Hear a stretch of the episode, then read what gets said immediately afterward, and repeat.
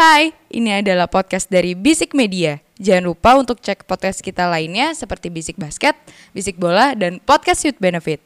Oh iya, jangan lupa juga follow Instagram kita di @bisikmedia.id. Oke, selamat mendengarkan.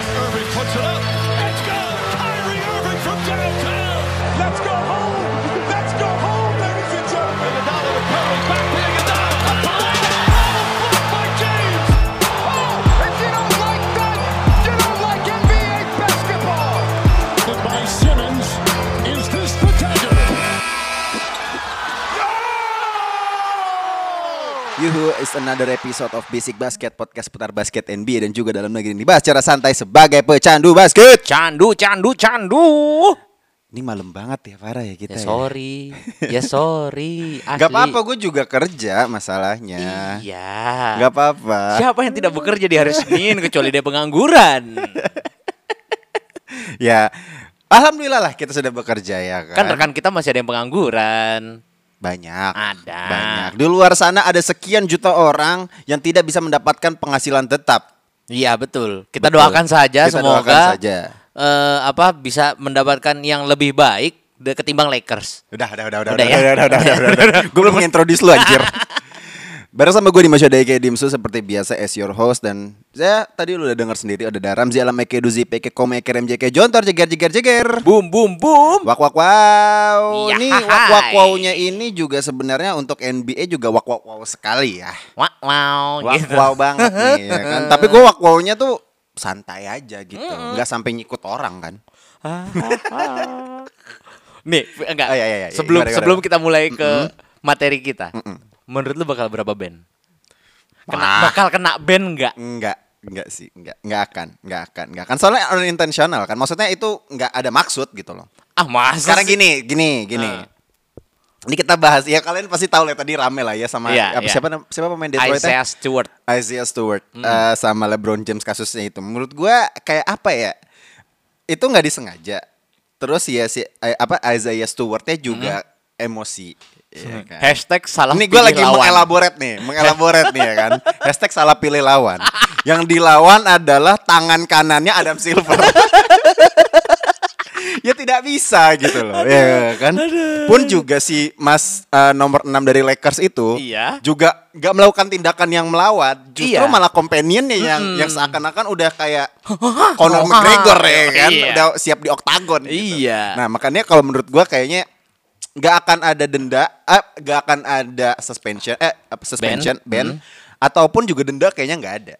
Both baik Kalau. Isaiah Stewart mungkin deh, cuman maksud gua kayak ya udah ejection biasa aja, udah Iya kalau menurut gua. Iya Kecuali sih. yang kasusnya Jokic sa- sama Marcus Morris kemarin, Hah? ya itu emang sama-sama sama-sama punya intensi di Iya, dalamnya, iya, terlihat iya, banget iya, gitu iya. loh. Makanya kalau menurut gua ya juntrungan lu itu akan aman-aman aja lah. Iya, kalau gue juga mikirnya kayak dia ngiranya masih dapetnya ibaratnya dapat bahu gitu loh kasarnya. Terus kayak tiba-tiba eh ternyata dia sudah terhuyung jadinya kenanya si apa pelipis gitu Nah, kan. Tapi gue ngeliatnya ini Ji, eh, pas di udah mulai mau berantem tuh, Hah? itu nggak kelihatan berdarahnya. Itu Iya, berdarah iya, pas iya, kapan iya. ya?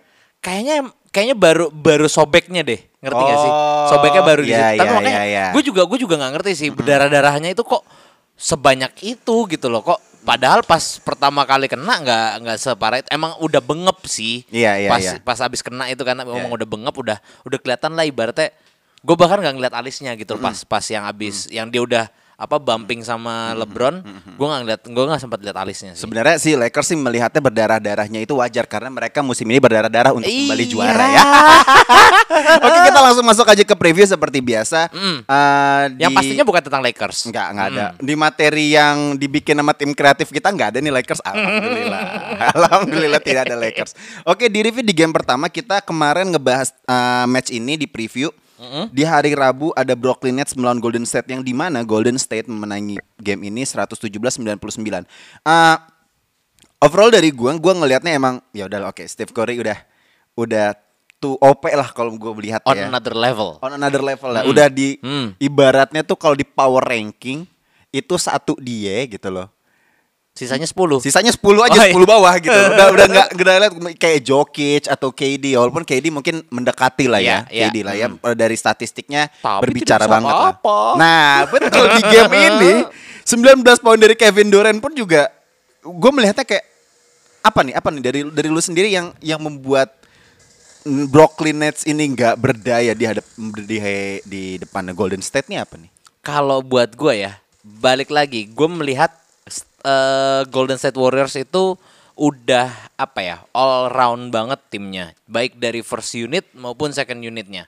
Kalau gue lihat second unitnya Brooklyn Nets itu bener-bener literally nggak bisa ngapa-ngapain. Anjay, gue literally udah kayak. Hmm. Mantap, mantap. Iya kan? Udah ada ininya vokabularinya tuh untuk anak-anak jaksel. Oke, terus lanjut. Tapi gini, memang eh, dari semua dari kedua tim ini dari yang dicadangkan emang nggak ada yang double digit ya. Untuk. Brooklyn Nets? Untuk Brooklyn Nets dan Golden State Warriors dua-duanya nggak ada nggak ada yang double digit. Oh, Cuman iya, bener. menurut gua bantuan dari second unitnya yang dimiliki oleh Brooklyn Nets tuh menurut gua masih kurang apalagi Patty Mills udah di dari starting dan menurut gua gua nggak tahu apakah eh, Steve apa Steve Nash tuh kayak masih kayaknya nggak tepat deh masukin Patty Mills di starting gitu karena gue melihatnya Patty Mills tuh tipikalnya kayak siapa ya?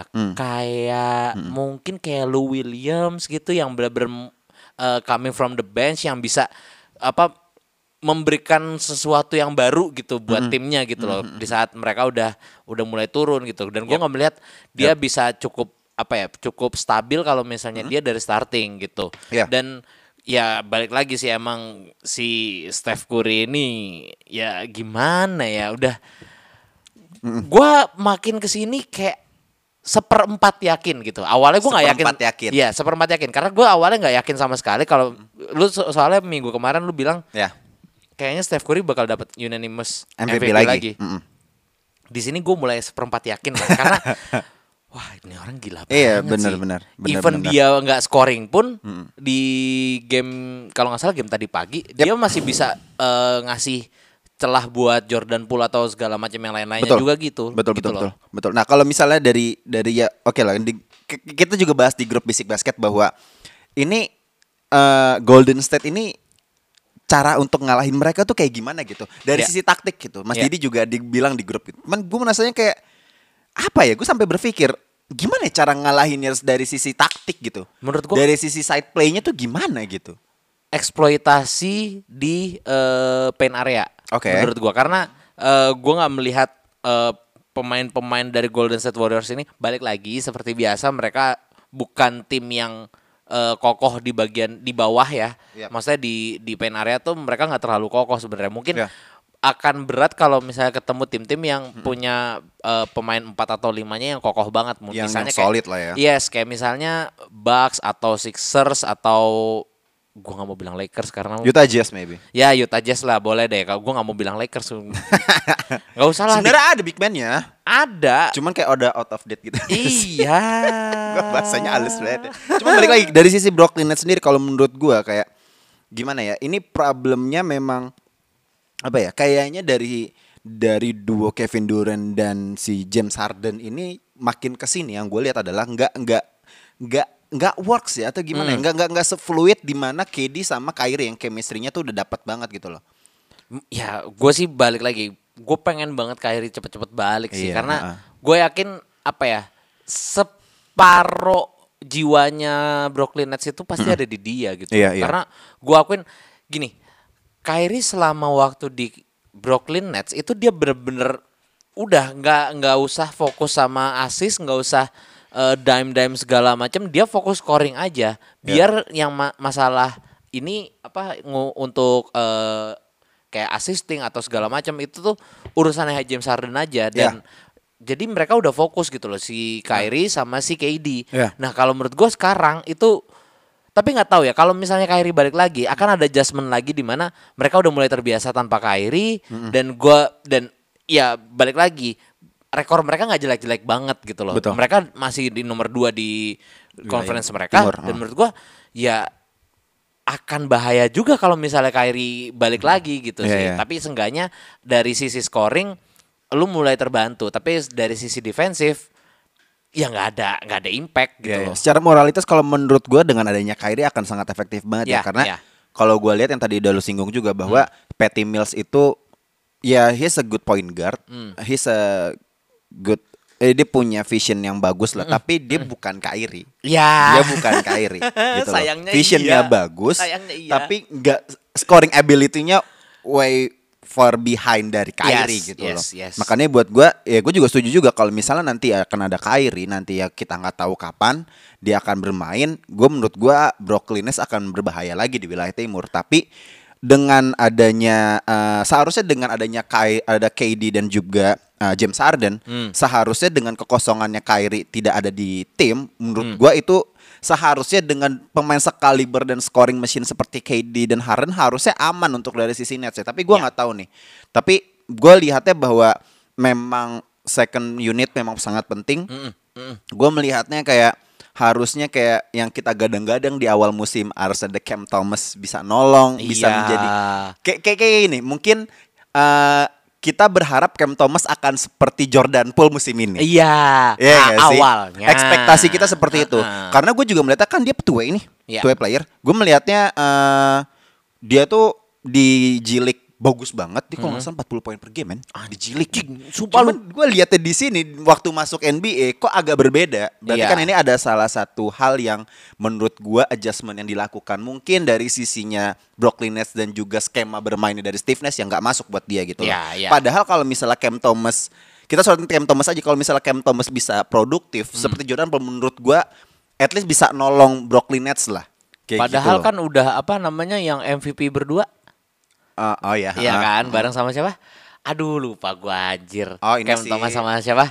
Apa? Ah. bukan Kate Cunningham, bukan. Ah, ah, Ayo. De- Dem eh, De- Devion Mitchell. Ah, Davian Mitchell ya. Dan Ya. gue melihatnya ya ekspektasi fans Hmm. pasti besar banget ya. M- Mungkin memang dia masih baru pertama kali masuk ke NBA Hmm. dan ya pun juga Jordan Poole waktu awal pertama kali masuk NBA kayak kita pasti ngeliat nih orang sokap Hmm. Ya. gitu loh kan. Cuman ya emang harus ada adjustment juga dari dianya Hmm. dan dia juga harus needs to step up the game. Mungkin kalau misalnya tambahan dari gua eh mereka nggak punya bawah yang kokoh sih. Hmm. Balik lagi Blake Griffin is way too old, LaMarcus Aldridge juga udah terlalu tua juga. Tinggal harapan mereka cuma satu-satunya ada di Nicholas Claxton. Iya. Sedangkan Claxton juga dia undersize gitu loh. Untuk main di lima tuh dia undersize Iya. dan ini sih yang kayaknya bakal jadi PR berat karena ibaratnya eh, KD tuh bebannya jadi in both ends gitu loh, Iya. baik ofensif maupun Iya. defensif Iya, gitu. seharusnya sih eh, KD tuh bisa carry ya, maksudnya bisa nge-carry Brooklyn Nets untuk ya walaupun yang tadi udah lu bilang dia masih peringkat di peringkat dua wilayah timur, tapi kita akan kan gue melihatnya akan akan berat banget di playoff Iya, nanti iya. kalau misalnya mereka masih kayak gini-gini aja gitu. Betul. Even seorang James Harden pun kalau menurut gue ya statistiknya juga bagus gitu. Cuman gimana ya Harden ha- ya kalau misalnya jokes kayak gitu, jokesnya gitu masih harus ada adjustment sama fall yang baru gitu ya kan. Cuman kalau menurut gua kayaknya makin ke sini butuh prosesnya lagi tuh James Harden kembali ke performa MVP-nya dia. Ya. Kalau misalnya KD dan James Harden bisa klop walaupun nanti nggak ada Kyrie sampai ya kita nggak tahu kapan dan keduanya KD dan Harden ini jadi performanya mereka yang terbaik menurut gua Bahaya. bahaya banget sih. bahaya. Tapi ya tetap juga menurut gua kayak court vision dan mentalitinya Kyrie kita nggak usah raguin lagi lah. Apalagi di playoff gitu. Dan lu juga Betul. senang banget 2016 kan. Maksud gua itu itu itu yang itu yang diperlukan untuk Ya. so, uh, tim sekelas Brooklyn Nets untuk bisa menjadi contending menurut gua itu Hmm. karena kalau misalnya hanya mereka berdua doang KD dan Harden itu akan sangat berat banget gitu. Yes, betul. Karena mereka ya ya belum kelihatan banget lah Iya. visi bermain apa eh, sebagai fasilitator di lapangan saya kehilangan eh, Kyrie itu berat banget Yes, gitu loh. dan, eh, kita ngeliat kayak tahun kemarin tuh Brooklyn Nets benar-benar sangat menghibur banget gitu loh. Dan gua nggak bisa melihat entertaining Yes, Hmm. banget bro Gua nggak bisa melihat itu di musim ini sih. Iya. Belum lah mungkin ya. Iya, kita Gitu. kita kalau nggak salah di musim kemarin kita sempat bilang bahwa kita lupa bahwa uh, defense-nya Brooklyn Nets itu nggak bagus-bagus amat. Yes, Tapi yes. tertutupi dengan en- dengan gaya Offensive-nya. offensive-nya mereka dan gaya bermainnya mereka Hmm. yang sangat menarik menurut gua itu sih. Iya. Dan betul. juga buat gua sih gue berharap banget Kyrie balik karena gue taruh dia di fantasi gue. Hei, Useless itu mas-mas itu. Aduh, tolonglah. Eh, sama kok aku juga Hmm. Apa? punya pemikiran Siapa? sama, yaitu Clay Thompson. aku udah ambil sekarang, aku udah ambil sekarang. Si cari aman. Iya dong. Oke, lanjut ke game ke selanjutnya. Ini Hmm. menarik nih. Kita ada kalau awal-awal kemarin kita selalu bahas timur, timur, timur dan sekarang kita agak sedikit demi sedikit beralih ke barat nih ya. Yang gak seru itu kan? Hah? Kata siapa? ya walaupun peringkat 1 sampai peringkat 10-nya agak jauh banget ya marginnya ya. Iya, Nggak setight iya. timur ya. Tapi ya oke lah nggak apa-apa lah kita bahas barat. Walaupun ya begitu.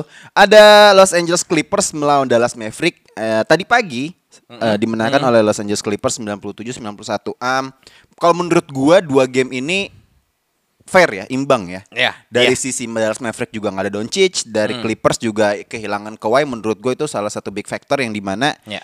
Clippers ya segitunya aja gitu loh. Cuman lu melihat dari game ini gimana sih? Eh, apa berimbang banget karena nih di playoff mereka juga waktu itu musim kemarin ketemu juga kan? Iya, Gimana sih? betul. Nah, kalau gue sih gini. Dari Mavericks-nya ini agak-agak bahaya ya kalau misalnya sudah tidak ada Luka Doncic. Mereka Ya, ya. terlalu bergantung sama Doncic dan menurut gua eh oke lah eh, beberapa tim juga kayaknya gue lihat banyak yang bergantung sama satu pemain dan menurut gue itu nggak terlalu bagus sih karena gini, gini gua sangat berharap di tim Hardaway Junior Ya. di mana dia bermain 30 ya gua gua anggap 36 menit lah ya dan dia cuma 8 poin. Yap, yap, yap. Dan menurut gua ini lu yang bener aja lah gitu loh. Masa lu kalau nggak ada Doncic ya lu harus pasrah gini. Ya oke lah, gue melihat kayaknya Porzingis juga sekarang lagi dapat spotlightnya juga ya kayak Iya. kayak lagi lagi mulai naik lagi dan ya mungkin belum balik ke performa waktu dia di Knicks cuman seenggaknya dia udah membaik banget lah daripada dua musim terakhir lah seenggaknya di mana ya ka- sekalinya Doncic nggak ada dia masih bisa carry gitu Iya. loh seenggaknya tapi balik lagi supporting cast ini penting banget. Di mana tim Hardaway Junior di mana ya lu sebagai safety shooter lu harusnya bisa memberikan yang terbaik lah. Iya. seenggaknya poinnya lu harus nggak nggak at least tuh harus double digit sumpah. Iya, iya, dan ini bahaya banget kalau misalnya lu kayak gini terus juga. Eh Dorian Finney-Smith juga tapi ada satu yang gue salut gue ngeliat nih dua di dua game terakhir gue nonton Dallas Mavericks di sini sama ada satu game sebelumnya gue ngeliat Jalen Brunson bener-bener jadi kayak main kayak IT tuh nggak lu Jalen Brunson. Oh iya, menurut kayak lu gitu IT. Menurut gua kayak karena kecil-kecil terus tiba-tiba dia berani banget untuk ya hantem aja mau sentre siapa juga tahu-tahu floater, tahu-tahu apa, tahu-tahu apa itu dan menurut gua eh, apa ya? Mentalnya Jalen Brunson ini yang harus ditanemin ke ya Finney Smith, ya Tim Hardaway Junior, ya Dwight Powell, ya Reggie Bullock. Reggie Bullock bahkan lebih parah. Reggie Bullock main 30 menit 0 poin. ya. Iya. Menurut gua ya emang jebolan Knicks tuh tai sih. Dan aja. Eh, tapi dia lima ribuan loh. iya, iya terus kenapa kamu point guard fuck?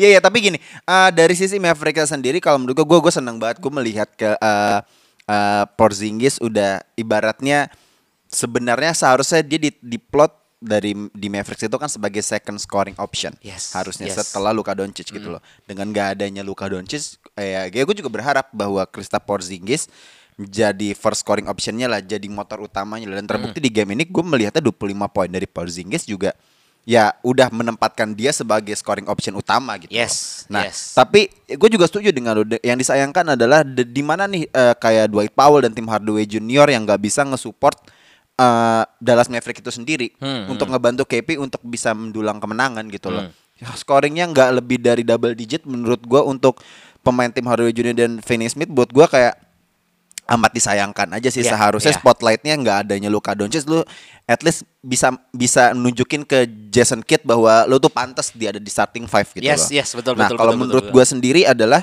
eh memang ya udah Dallas Maverick ini udah dependable banget sama si Luka Doncic Iya, gitu loh. iya. Tapi gua akan tetap dengan state eh, dengan statement gua bahwa Luka Doncic ini kalau hanya dia nge-carry sendirian, Dallas Maverick nggak akan ke mana-mana.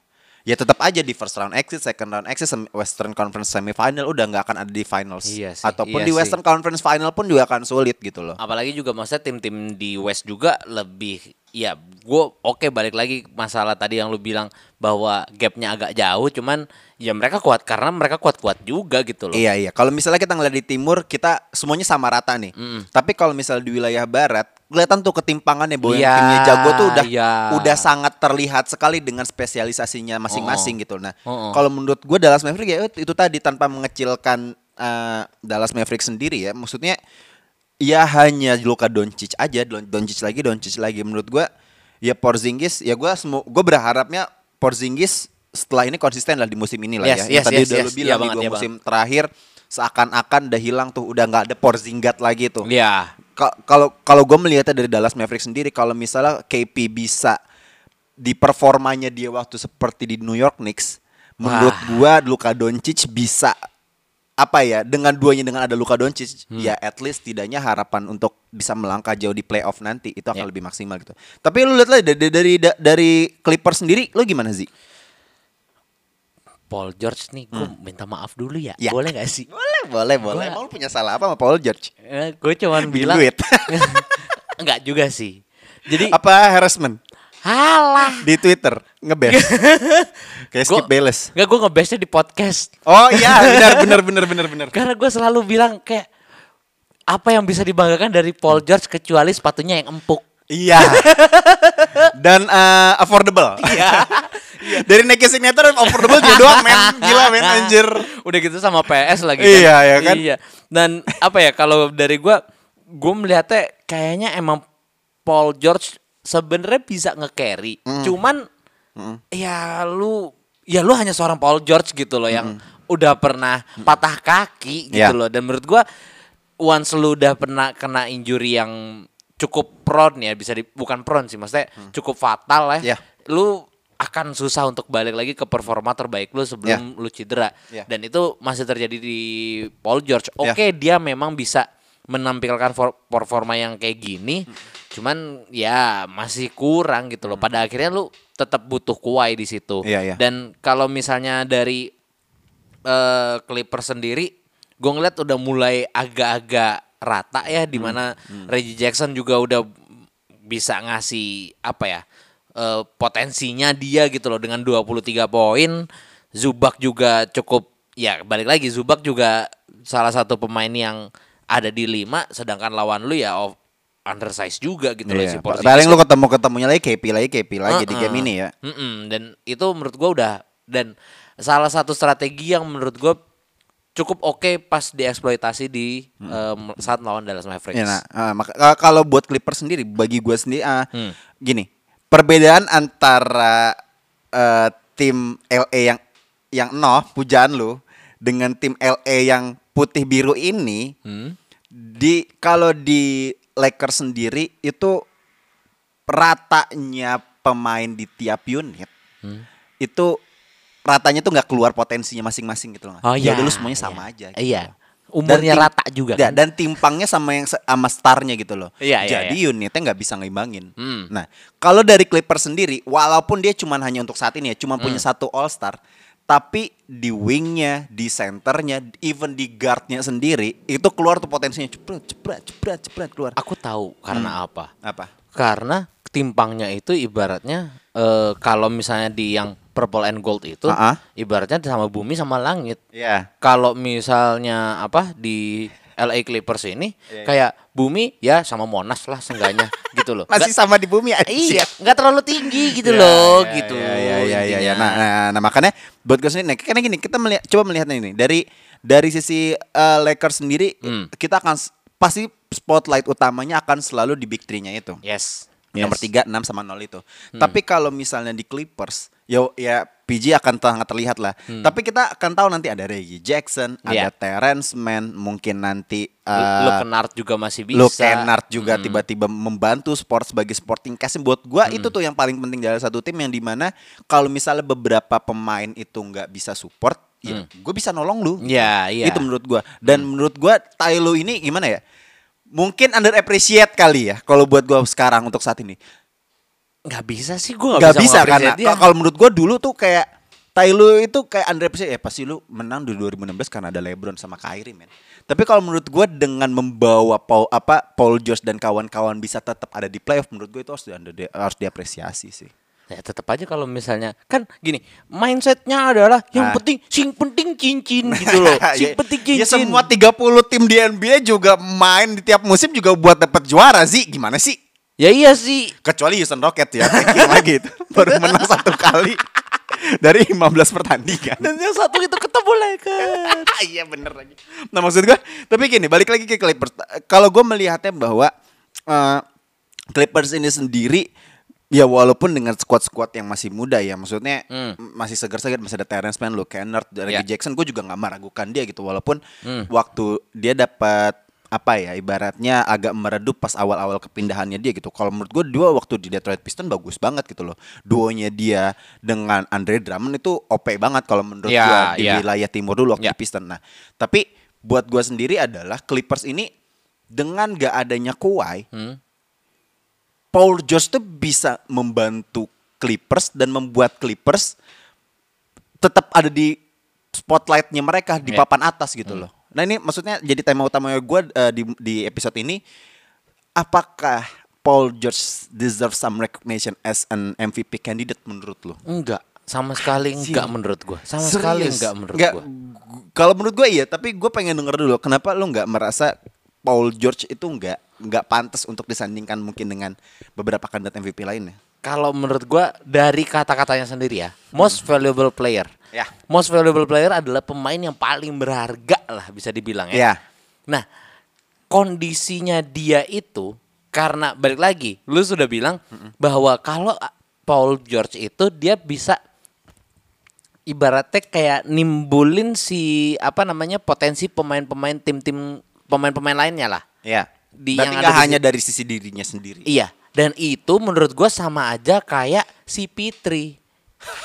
Makanya dia nggak pernah masuk ke MVP kandidat kan? Iya, betul. Ya karena emang yang elevate itu bukan dianya sendiri, tapi timnya Mm. gitu. Makanya gue gue bilang kayaknya dia nggak cocok untuk masuk ke eh, perbincangan MVP. Iya, iya, iya. gitu. Oke, oke, oke, oke, oke. Itu dari perspektif lo. Jadi, yang gue simpulkan dari dari, dari statement lu adalah lo merasa bahwa Paul George tuh nggak bisa nge-influence teman-temannya Ya. untuk membawa eh, timnya Hmm. melangkah lebih jauh lagi dengan performanya dia, begitu. Iya, kalau misalnya? Steph Curry kan performanya bagus dan dia juga bisa mengeks apa membawa teman-temannya, ayo naik yuk Jordan Poole gitu kan. nah, kalau misalnya Paul George tuh masih ya udah, ya dia aja gitu loh. Dan ya apa dianya nggak terlalu muncul tapi teman-temannya juga bisa naik gitu loh. Iya iya iya Gitu. benar-benar. Iya iya. Kalau Eh, lu? ah, kalau nah ini kalau menurut gua adalah kita ngomongin statistiknya dulu aja ya. Hmm. Nih biar nggak disangkanya subjektif banget ah, ya hai, kan. ya. Ya, walaupun kita subjektif, Mm-mm. tapi kan kita nggak bias-bias amat. gitu. Kita ngomonginnya kalau katakan berdasarkan data, data, data ya kan, Mm-mm. bukan kerja kerja kerja kan, kerja kerja kerja tipes ya kan. Nah kalau buat gue sendiri adalah gue melihat statistiknya Paul George di musim ini dari Mm. berapa belas pertandingan dia itu 27 poin per game. 8 rebound dan 5 assist dan dan 2,2 steal per game. Oke. Yang di mana men, i- eh, dia itu kalau nggak salah konsisten di top 5 untuk steal per game di NBA beberapa musim terakhir. Yes, yes. Kita men- kita menuju kita lihat nih bahwa dia menunjukkan bahwa performanya dia itu membaik dari beberapa musim sebelumnya. Yes, betul, setuju. Terlepas dari nggak adanya Kawhi musim ini, spotlightnya dia keluar banget gitu. Hmm. Jadi Emang sangat terlihat. sih? Hah? Emang kue ke mana sih? Sama kayak gue lagi rehab ACL. Jangan ngomongin ACL, sakit sakit sakit Oke, sakit jangan, oke. jangan. Tapi menurut gue adalah Hmm. dengan gak adanya Kawhi aja, Hmm. Clippers itu tetap bisa di papan atas gitu loh. Masih di Hmm. peringkat 3 atau 4. Ya kan? Hmm. Nah, kalau menurut gue dengan dengan lu tadi bilang bahwa pemain sebagai kandidat MVP nggak bisa nge-influence temannya, Hmm. menurut gua enggak juga gitu. Hmm. Karena Clippers nggak adanya Kawhi aja, Paul George itu menurut gua kalau lu melihat gamenya ya, kita jarang banget yang ngeliatin Clippers Iya, ya karena iya. kita agak ada punya sentimen pribadi gitu loh. Hmm. Cuman Mendingan beberapa- yang, mending yang, yang ini kan yang calon-calon crypto.com arena itu kan. untuk mereka pindah ya, pindah base ya. nah, kalau menurut gua adalah si Paul George ini sendiri itu memberikan nuansa yang berbeda di dalam gamenya Clippers yang di mana menurut gue lebih asik mainnya. Kalau lu melihatnya waktu uh, duonya si Kawhi, uh, waktu ada Kawhi di lapangan sebelum dia cedera, Ya. fokusnya itu ke Kawhi yang di mana yang lainnya tuh nggak terlihat eh, Sama sekali ternyata gitu. Terrence Mann bisa begini, Ya, ya, ya, bisa ya. begini, Ya, ya. Paul apa Reggie Jackson potensinya nggak keluar semua gitu loh. Hmm. Sedangkan kalau kalau lu melihat di beberapa game terakhir ada uh, Paul George di lapangan dengan pemain-pemain Clippers, Hmm. lu melihatnya bahwa Terrence Mann oh dia bisa mendulang poin yang bagus. Reggie Jackson juga di game ini bisa uh, di game tadi lawan Dallas bisa 20 poin. Jadinya tuh semuanya pada berani gitu loh Oke. karena gaya bermainnya yang diterapin sama Tyloo untuk di Paul George Hmm. sentrisnya dia tuh uh, lebih variatif gitu. Ya, loh. Kalau ya, misalnya dengan adanya si Kawhi aja itu tuh ya udah scoringnya nanti gaya permainannya tuh permainannya ya udah mid range jumper lagi mungkin Ya. nanti catch and shoot dengan yang ada Kawhi apa di Paul George yang lain itu jadi nggak kayak passing ke gua dong nggak ada kayak gitu loh Ya, kayak gitu loh ya, jadinya ya, ya. semuanya potensinya nggak keluar gitu loh makanya menurut gua ini masalahnya po- eh, pele- apa di si Clippers di playoff deh kayaknya terlalu sentris dengan Kawhi walaupun emang gua melihatnya bahwa ini kayaknya melihat dari track recordnya Kawhi waktu di Toronto ya Hmm. membuat eh, Kawhi itu sebagai eh, sentralnya Ya. yang di mana eh, kayak si Kyle Lowry itu cuman Ya. cuman jadi second optionnya aja Ya, gitu ya. loh. Ya kalau lihat aja waktu di 2019 kayak Danny Green dan juga si Norman Powell ataupun Pascal Siakam ya udah spotlightnya nggak kelihatan Ya, kan ke walaupun mereka. mereka. bermain bagus gitu Hmm. loh. Tapi dengan nggak adanya Kawhi Clippers tuh menjadi lebih hidup kalau menurut gua sih. Gue menurut Nah. gue malah gue lebih seneng ngeliatin Clippers dengan Paul George doang tanpa adanya Kawhi. Iya makanya sebenarnya skop obrolan kita tuh sama. Heeh. Tapi eh, lu nangkapnya itu sebagai sesuatu yang positif, which is itu bisa menjadi ka- kandidat MVP. Tapi buat gua justru itu malah nggak kelihatan sebagai kandidat MVP. Ngerti nggak? Iya. Karena juga gue balikin lagi kandidat MVP itu gua ambillah lima. Ya. Yang pertama udah jelas lah ya. Yang dari Brooklyn Yang Nets tadi ya. kita udah obrolin lah ya. Yang dua itu juga udah jelas dari Steph Curry. Yang pertama tadi KD, yang kedua Steph Curry. Yang ketiga udah jelas lah dari yang apa eh The Cream, Cream City. Giannis, Giannis, Antetokounmpo. Menurut gua dia masih eh, ya sem- gara-gara sempat cedera jadi kayak agak-agak kita agak lupa sama dia gitu kan. Dan dua spot terakhir ini menurut gua masih belum bisa digeser sama PG. Menurut gua masih worth it di dua pemain dari satu tim ini. Siapa? Zach Levine sama Oh, DeMar DeRozan. ah, ah, mm, menurut gua lebih ke mereka. Iya iya iya. Mungkin kalau misalnya Zach Levine masih belum eh, siap di sana, mungkin gue masih bisa geser ke Nikola Jokic. Iya. Kalau Jokic gue setuju. Iya, di mana emang ya Denver tanpa Jokic ya sampah gitu loh. Eh enggak enggak bukan contending. sih. Iya, makanya. Dan menurut gua kalau balik lagi kalau gua anggap anggaplah lima deh.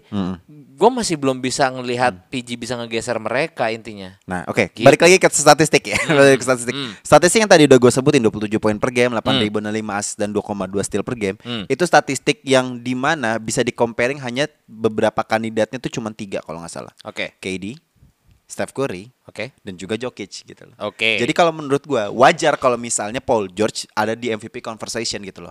Tapi gue juga agak skeptis nih Iya. ngelihatnya bahwa ya KD dan KD hampir menyentuh 30 poin per game Ya. dan juga Steph Curry yang di mana musim ini men kayaknya musim ini dia bakal 400 three point match sih. Iya. Kalau menurut gua itu statistik yang di mana kayaknya itu sulit buat di compare sama pemain lain gitu loh. Emang makanya menurut gua arahnya emang kalau misalnya MVP conversation kita akan mengerucut tuh sama dua pemain itu gitu loh. Terlepas gua no, apa namanya bukannya gua bias ke kedua pemain itu ya walaupun Jokic juga sebenarnya patut juga diperbincangkan Giannis gitu. juga. Masuk ya Giannis gitu. Giannis ya menurut gua ya memang lah dia pasti selalu ada di MVP conversation gitu. Tapi buat gua musim ini karena dia habis juara menurut gua kayak slightly down, Ya. upside down lah untuk musim ini apalagi kita melihatnya Bucks juga Championship hangover. Championship hangover Ah. juga gitu loh. Jadi agak sulit untuk menempatkan Giannis di MVP conversation. Tapi Hmm. buat gua sendiri Paul George itu apa ya? Ya apa gua nggak tahu sih. Gua apa terlalu bias karena performanya dia bisa nolong Clippers di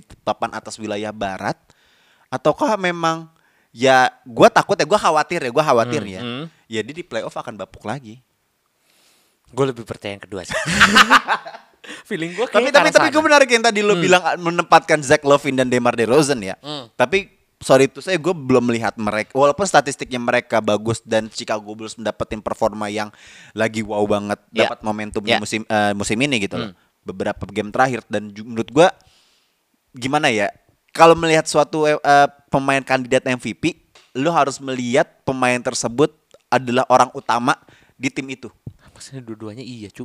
Iya kan? Maksudnya makanya sulit, orang makanya sulit gitu. walaupun Iya. statistik mereka bagus. Iya. Tapi kalau misalnya lu tadi agak menyimpang dikit lu ngomongin tentang Zach Lovin dan DeMar DeRozan menurut gue sih seharusnya Zach Lovin yang patut Iya gitu sih, ya. Karena iya sih. kalau nggak salah statistiknya 24 poin per game.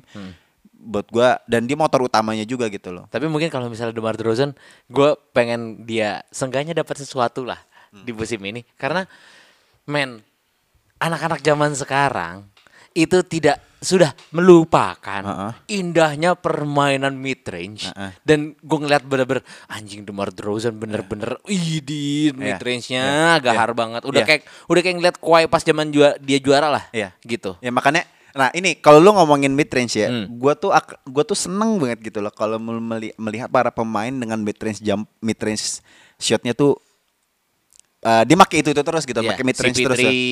Nggak hanya si Pitri kayak Kawhi pun juga melakukan Ya, itu. Kawhi, ya. Terus eh, mungkin Demar tadi lu bilang, Hmm. kalau lu sadarin juga bahwa KD pun sebenarnya banyak banget Ya, ya, jumper ya, gitu ya, loh. ya, ya. Nah, menurut gue ya three point itu udah pakem utama lah sekarang. Kayaknya Ya. semua pemain even center dari pemain 1 sampai 5 semuanya harus bisa three point gitu loh. Yes. Cuman dengan mid range jumper lu bisa memanfaatkan space yang ada di parameter yang di mana itu sebenarnya bisa lebih lebih efektif lagi gitu loh. Mm-mm. Tapi balik lagi ke Paul George. Menurut lu ini pertanyaan buat. Paul George eh, dengan Clippers hanya dengan Paul George itu lebih aman gak ketimbang dengan adanya Kawhi?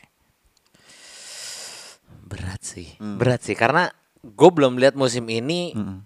eh, belum ada perbandingannya, ngerti Ya. nggak sih kayak karena eh, bisa jadi skema permainannya nanti pas Kawhi balik justru eh, center of attentionnya di Paul George. Ya, ya. Who knows, who Ya. knows. Jadi justru si Kawhi-nya jadi kayak Kyle Lowry-nya waktu di Toronto, Ya. gitu.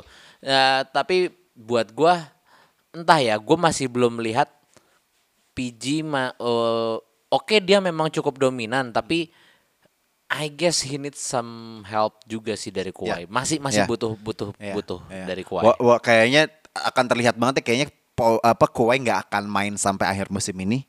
Hmm, ya, ya kalaupun main juga mungkin udah di playoff dan gua nggak tahu. Ya kayak sebaka akan sampai mana nanti Clippers tapi mungkin kalau lima menit per game doang. gua bisa jadi ataupun cuman active player tapi nggak dimainin bisa jadi ya kan nah kita Belum. nggak tahu Udah lama kagak main masih aja lot manajemen. aduh, aduh. kan dia yang mempopulerkan dia harus bertanggung jawab sampai LeBron ikut ikutan betul betul saudara-saudara Benar apa betul? Betul.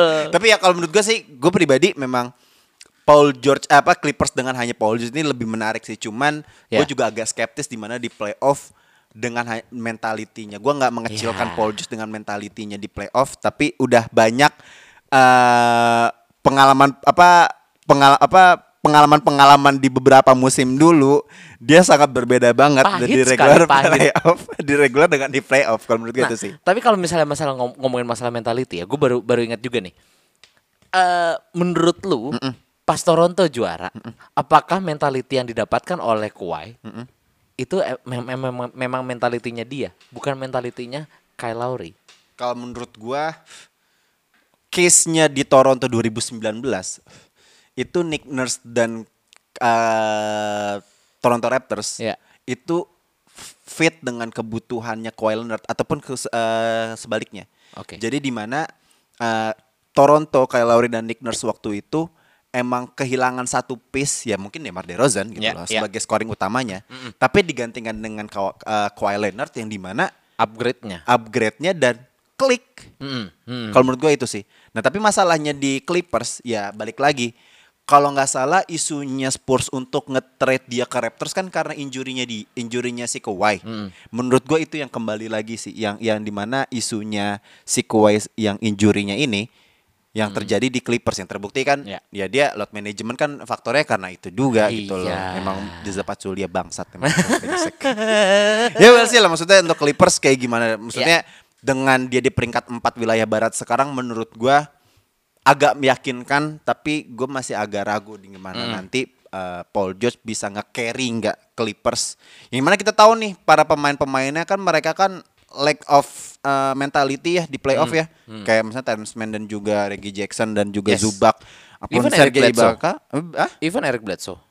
Bledsoe di Clippers ya? Iya. Oh ya oke. Ya maksud gua ya itulah maksudnya pemain-pemain ini gua ragunya, gua khawatirnya ya hanya bagus di regular season aja sih. Mm-mm, mm-mm. Gak khawatirnya itu. Oke, kita masuk ke preview di hari Rabu. eh gue melihatnya di Selasa sama di Rabu tuh nggak ada yang seru ya. Ternyata nih hari Kamis gue bacanya. Sorry, sorry, Oke, sorry. oke. Di hari Kamis ada Golden State non. Nah tadi lu udah lu bahas nih, di mana Golden State eh, akan sangat teruji yang di mana mereka menghadapi pemain apa tim-tim yang memiliki eh, big man yang yang bagus gitu loh. Hmm. Nah, gua nggak tahu nih misalnya nanti Philly eh, akan ada Embiid balik apa enggak? Iya, gua sampai tahu hari sih. ini soalnya Embiid belum balik masih sih. masih out sih ya, nggak tahu baliknya ke mana. Mungkin lagi semedi atau apa gua nggak Iya. tahu ya kan. Tapi terlepas dari nggak adanya Joel Embiid, menurut lu per- eh, game ini kayak gimana? Gue yakin sih masih gue masih percaya sama Steph Curry. Gue Hmm. wah gue masih ini bener-bener jadi kayak pembelot tau gak lu? Karena gue bener-bener suka banget sama Steph Curry. Gaya mainnya Iya, bener-bener gila banget sih. Dan apa ya? Bener banget kayak yang Mas Didi bilang waktu minggu Iya. kemarin di mana musim kemarin dia hampir satu season gak main dan itu bener-bener recharge banget buat dia dan dia Malah dua musim terakhir kali ya. Yes, dia eksplosif banget dan gua nggak tahu, gua masih belum bisa melihat ada yang bisa menghadang Steph Curry sih di Hmm. dari ini dari Sixers dan juga eh trennya Sixers juga FYI Hmm. eh win lossnya masih sama seperti Los Angeles Lakers jadi Oh, nggak usah iya, iya, bangga iya, iya, iya, iya, iya. 98 anjing Bisa kembali ke Lakers. Mm-mm. Kembali ke Lakers. Kembali lagi. Walaupun di timba timur ini. Kembali ke Lakers. Selalu. Kita tahu alasan kita pulang tuh selalu Lakers sudah. Kalau nggak Lakers ngecengin Golden State ini, mereka nggak bisa ngecengin musim ini. Iya nggak ya. bisa, nggak boleh, nggak Golden boleh. State wow soalnya. Iya, udah. WOW. Nggak bisa WKWK. Udah nggak bisa. Tapi kalau buat gue sih balik lagi kayaknya eh gue masih belum melihat Sixers cukup solid dan cukup kompeten lah kecuali Tobias sama Joel Embiid. Iya. Oke lah mungkin Steph Curry juga dari sisi three point percentage-nya juga lebih baik. Cuman kayaknya masih masih kurang masih masih Iya. masih belum sih. Iya iya iya. Eh, kalau buat gue sendiri game di hari Kamis ini Golden State melawan mm, Philly sendiri, Hmm. eh, obviously gue akan memilih Golden State ya. Iya. Tren mereka lagi bagus, mereka baru cuma dua kali kalah yang di mana eh, terbaik di rekornya terbaik di NBA dan juga Hmm. menghadapi tim yang lo bilang sendiri rekornya menyerupai Lakers gitu loh ya kan. Balik lagi ke Lakers kan? Nah, kan gue cuma hanya melakukan Oh, iya. pengulangan. Yaudah, Nah, mungkin biar sama kali ya. Ba ke, Knicks deh, sama gitu loh. jangan ngomongin tim gue. ngomongin tim gua. Oke, Nanti aja. Nanti aja. Kalau ada juga sih, ada Iya. kayaknya gak deh. Ada Cuman kayaknya. eh, gu- gua akan memilih Golden State tapi buat gue sendiri adalah ini akan menjadi game yang sangat seru yang di mana eh, kita lihatnya Golden State punya backcourt yang sangat bagus dan Ya. wingnya yang di mana diisi sama Jordan Paul dan juga Andrew Wiggins lagi blooming bloomingnya Iya, iya. menghadapi Philly yang di mana pemainnya itu di backcourt pun juga nggak buruk-buruk banget. Ya, ya. Ada Tyrese Maxey, ada Seth juga yang menurut gue lagi dapat temnya musim Hmm, ini. Tyrese Maxey sih yang menurut gue lagi bagus Yes, banget sih. yes, yes, Makanya yes, ini yes. menarik banget di di duel antara kedua tim di backcourtnya menurut gue ini akan menarik banget sih. Terlepas dari di paint areanya mungkin serupa juga gitu. Mungkin kalau misalnya gue boleh nambahin tentang Tyrese Maxey nih. Ini mungkin jad- bisa jadi eh, tantangan terberat dia untuk membuktikan bahwa dia lebih baik daripada Ben Simmons. Karena ada statistiknya Ben Simmons waktu 6 game pertama bersama Sixers saat menjadi starting itu dia cuman 18 poin per game kalau nggak salah. Kalau Tyrese Maxey udah 20-an gitu. Iya, iya. Dan menurut gua ini udah meyak apa ya bisa bisa jadi untuk meyakinkan boardnya Sixers untuk udah gua bakal lepas anjir gua bakal lepas lu buat fans Sixers tenang aja lu nggak akan kehilangan piece tersebut di dari Ben Simmons karena lu masih punya Tyrese Maxey Betul. gitu betul. sih Seharusnya sih Ben Simmons jadi ketar ketir ya harusnya ya. Dan juga eh iya, iya benar benar benar. Maksudnya kalau lu melihatnya dari si Tyrese Maxey ini masih lebih muda, masih semangatnya masih bagus dan juga statistiknya yang nggak bohong juga gitu loh. 20 poin per game tadi udah lu bilang. Dan tapi uh, Ben Simmons mem- sebagai all around pemain, all around player buat gua belum ada yang seperti dia sih. Cuman seharusnya Tyrese Maxey itu eh gua gak tahu. Maksudnya Doc Rivers tuh harus harus bisa ngisi kekosongannya Ben Simmons di Tyrese Maxey yang di mana mungkin melakukan adjustment dari gaya permainannya Sixers sendiri. Harus gimana caranya ya kehilangan Ben Simmons seharusnya nggak bu- bukan bukan hal yang bukan hal yang penting juga gitu loh buat Mungkin gua menurut gue bahkan eh eh, ekstrimnya adalah ya lu merubah gaya main lu dari waktu pas sama Ben Simmons dan lu menggunakan eh, Tyrese Maxey. Maxey dengan gaya mainnya Tyrese Maxey Ya. dan porsinya Ben Simmons lu kasih aja ke Tobias. Oh ya bisa jadi, Gitu. bisa jadi. Masa- ma- karena menurut gue juga gimana ya, backcourtnya si Phil ini bagus-bagus Iya. banget sih. Dan kita selalu lupa sama Tobias. Tobias. Kita selalu lupa sama Iya, Tobias. Dan iya. ini menurut gua ini saatnya untuk Doc Rivers untuk lu munculin tuh Tobias, Ya. lu munculin Tyrese Maxey dengan cara permainan yang berbeda dari tahun kemarin. Maksud gue Sixers juga agak beruntung juga punya Hmm. power forward yang di mana mungkin gak di tier satu kayak Ya. AD ataupun Yanis Hmm. ataupun seperti KD, tapi Tobias tuh ada di tier dua atau tiga lah menurut Ya. gue itu itu menurut gue tuh cukup gitu loh buat mereka untuk bisa menjadi Hmm. tim yang gua nggak bilang contending untuk jadi juara tapi untuk menjadi tim yang kompetitif Solid menurut gua lah, solid lah cukup menurut gue oke eh, lu guys we Ya lah, iyalah jelas lah. Iya, iya, iya. Di hari Sabtu ada Denver Nuggets melawan Milwaukee Bucks. Nah, ini menarik nih sih. Kita Hmm, udah hmm. jarang banget ngomongin Denver Nuggets. Eh, dan Milwaukee Bucks yang performanya kayak dua game terakhir lagi bagus ya. Mm-mm. Kayaknya. Menurut lu? Eh, dua-duanya lagi naik turun. Mm-mm. Dua-duanya punya eh, win loss yang sama, 98. oh iya bener, Mm-mm. sama ya. Sama-sama 98 dan ada tambahan lagi eh Denver habis 4 losing streak. Sedangkan Four losing Denver habis 4 losing streak. Meanwhile Milwaukee Bucks dengan 3 winning streak. Oke, berarti lagi Denver lagi turun, Bucks lagi naik. Yes. Oke. Nah, tapi gue sangat melihat eh apa ya ketergantungan lagi sih balik lagi di mana eh stat leaders dari Bucks ini rata-rata semuanya diambil sama Yanis. Oke. Itu yang gue melihat kayaknya lu agak bahaya juga nih. Ditambah ya mungkin ada satu penyelamat satu kartu penyelamat dari Bucks ini adalah baliknya Chris Middleton. Ya. Chris Middleton udah balik dan menurut gua ini ibaratnya kayak udah nyanyi lagunya Superman is dead gitu loh. Ya, jika kami bersama nyalakan Jika tanda kami- bahaya Oke, gitu loh. Dan ya, lu ditambah lu lagi apa eh, lagi losing streak juga nih Denver Oke. dan menurut gua ini bisa jadi ke Bucks banget sih. Udah udah fix arahnya ke Bucks. Ya ya ya ya ya. oke. Gue nggak melihat ada chance ya even Jokic segila itu di bawah. Kalau lu udah ketemu Yanis, ya lu gue gue pede banget sih sama Yanis karena Oke. dia selalu bisa apa ya memberikan help defense yang ber, apa ya masif banget buat timnya dan juga gua melihat kuncinya bukan kuncinya sih. Gue pengen Bobby Portis di sini bisa lebih menampilkan gaya mainnya waktu dia menggantikan Bobby Portis Giannis. tuh kayaknya sekarang tuh jadi kayak apa ya?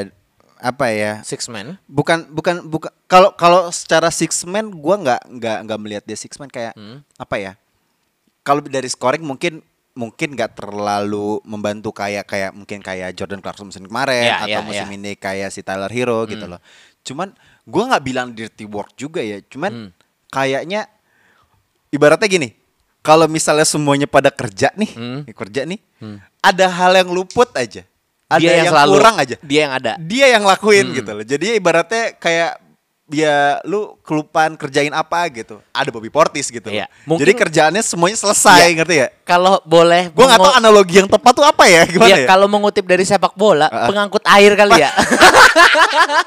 Anjir DMF dong. Ibaratnya kayak kok kayak kante lari-lari ke mana aja ya. Iya, Tapi kayak bukan gitu. bukan top op- bukan bukan main playernya gitu. loh. Iya. Cuman emang ada dia aja gitu. Iya. loh. Kayak Bobby Portis pernah seperti itu ya? Iya, kayak emang gue melihatnya nih dari dari pas dia di finals, Ya. gimana gue melihat ber-ber para Yang fans terbaru tuh, dia habis ngeblok Bradley Beal. Iya, terus juga apa pas yang kemarin yang dia kalah yang Bucks kalah tapi Bobby Portis 28 poin Ya, ya, ya, Grayson ya, Allen-nya ya. sebenarnya bau cuman ini ya menurut gua dia bisa gitu loh sebenarnya dan dia dia cuman butuh konsistensi dan apa ya sering dimainin gitu loh karena buat gua balik lagi basket itu kalau misalnya lu ya terbiasa main ya lu akan lu akan makin terbiasa gitu loh dengan apa namanya eh ya ambience-nya gitu loh. Gitu. Lu lu akan lebih ini kali ya, uh, lebih adaptable di Yes, mana? yes. Di mana gini, kalau pemain NBA kadang uh, lu bisa adaptable di mana lu akan menjadi lebih bu, menjadi nggak klop atau lu akan tersingkir dari NBA atau lu akan melakukan improvement di mana lu akan suitable untuk NBA gitu loh. Yes, Dan mungkin Bobby yes. Portis menjadi yang kedua gitu loh. Dia makin makin bisa beradaptasi di NBA yang di mana dan timnya juga cocok untuk menempatkannya dia sebagai pemain yang penting kayak Ya. gitu sih. Tapi untuk di game ini lu lebih milih siapa? Milih ke Bucks, Bucks. gua. Gue juga Jauh. Bucks sih karena karena faktor itu sih Middleton dan Giannis sudah kembali buat Ya. gua kayak kayaknya kita harus ngapus performa buruknya mereka di beberapa game terakhir ya. Iya, iya. Jadinya iya, ibaratnya iya, iya, kita iya. harus kembali ibaratnya di hangovernya mereka udah hilang nih. Iya, iya karena kemarin juga Ibaratnya kayak mereka back to work lah. Ini Iya. kita yang sesungguhnya gitu loh. Dan juga kalau- sesungguhnya. kalau misalnya dari Denvernya juga gue nggak melihat apa ya Aaron Gordon bisa memberikan sesuatu gitu loh di, Iya, iya. di Denver ya kita selalu menggadang-gadang nih Aaron Gordon bakal bakal wah banget Hmm. gimana eh, di bawahnya pasti bakal kuat banget. Ternyata nggak terlalu juga. Iya, oke dia emang eh, kalau nggak salah ini blocks per gamenya itu dia leading di buat Denver. Cuman menurut gua eh, Denver membutuhkan lebih dari blocks per game doang dari Aaron Gordon. Ya di mana Iya. dia harus bisa poin juga di mana dia juga ya gue melihatnya dia tuh tipikalnya lebih ketiga maksudnya badannya badan tiga cuman mainnya di empat ya Iya. kalau nggak salah juga 45 sih. iya empat Di empat lah Orlando main lim eh main 4 sama 5. dan menurut gua ya itu lu harus lu harus bisa memberikan sesuatu yang lebih gitu loh Hmm. lu harus membantu Jokic apalagi ya si Jamal Murray juga masih ah, Belum terlihat hilalnya akan kembali. Iya, heeh, makanya jadi ya ya ya udah harus elu gitu loh. Iya, Masa iya. lu mau modal siapa Campazzo? Nggak bisa cukup. Iya, iya, Michael sulit, Porter sulit. Junior on inconsist, inconsistent. Iya iya iya, iya. benar benar benar. Itu balik lagi ya Jokic lagi Jokic lagi itu dan Mm-mm.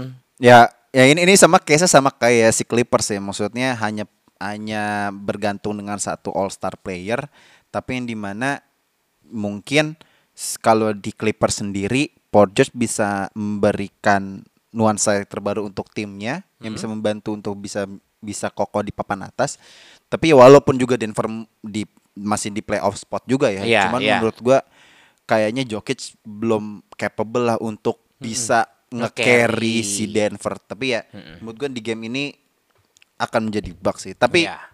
ya mungkin di first half akan imbang, di second half mungkin akan habis atau mungkin akan habis duluan sama Bucks. Gua nggak tahu juga sih. Gue lebih ke yang kedua lagi-lagi. Aduh, oke, udah 50 menit nih. Masih oh masih ada ya Ji ya? Masih ada satu lagi. Ini Perlu nggak sih ini aja? Perlu nggak sih? Gue males dah. Nggak ini kita sweet aja lah. Oke, oke kalau misalnya para pendengar bisik basket, ya nih nih nih, oke oke gue sebutin. Di hari Rabu kita kelewatan nih. Los Angeles Lakers melawan Knicks. Siapa Ji? Yang menang Ji? Udah Ji, New York aja. Knicks. Kita salaman.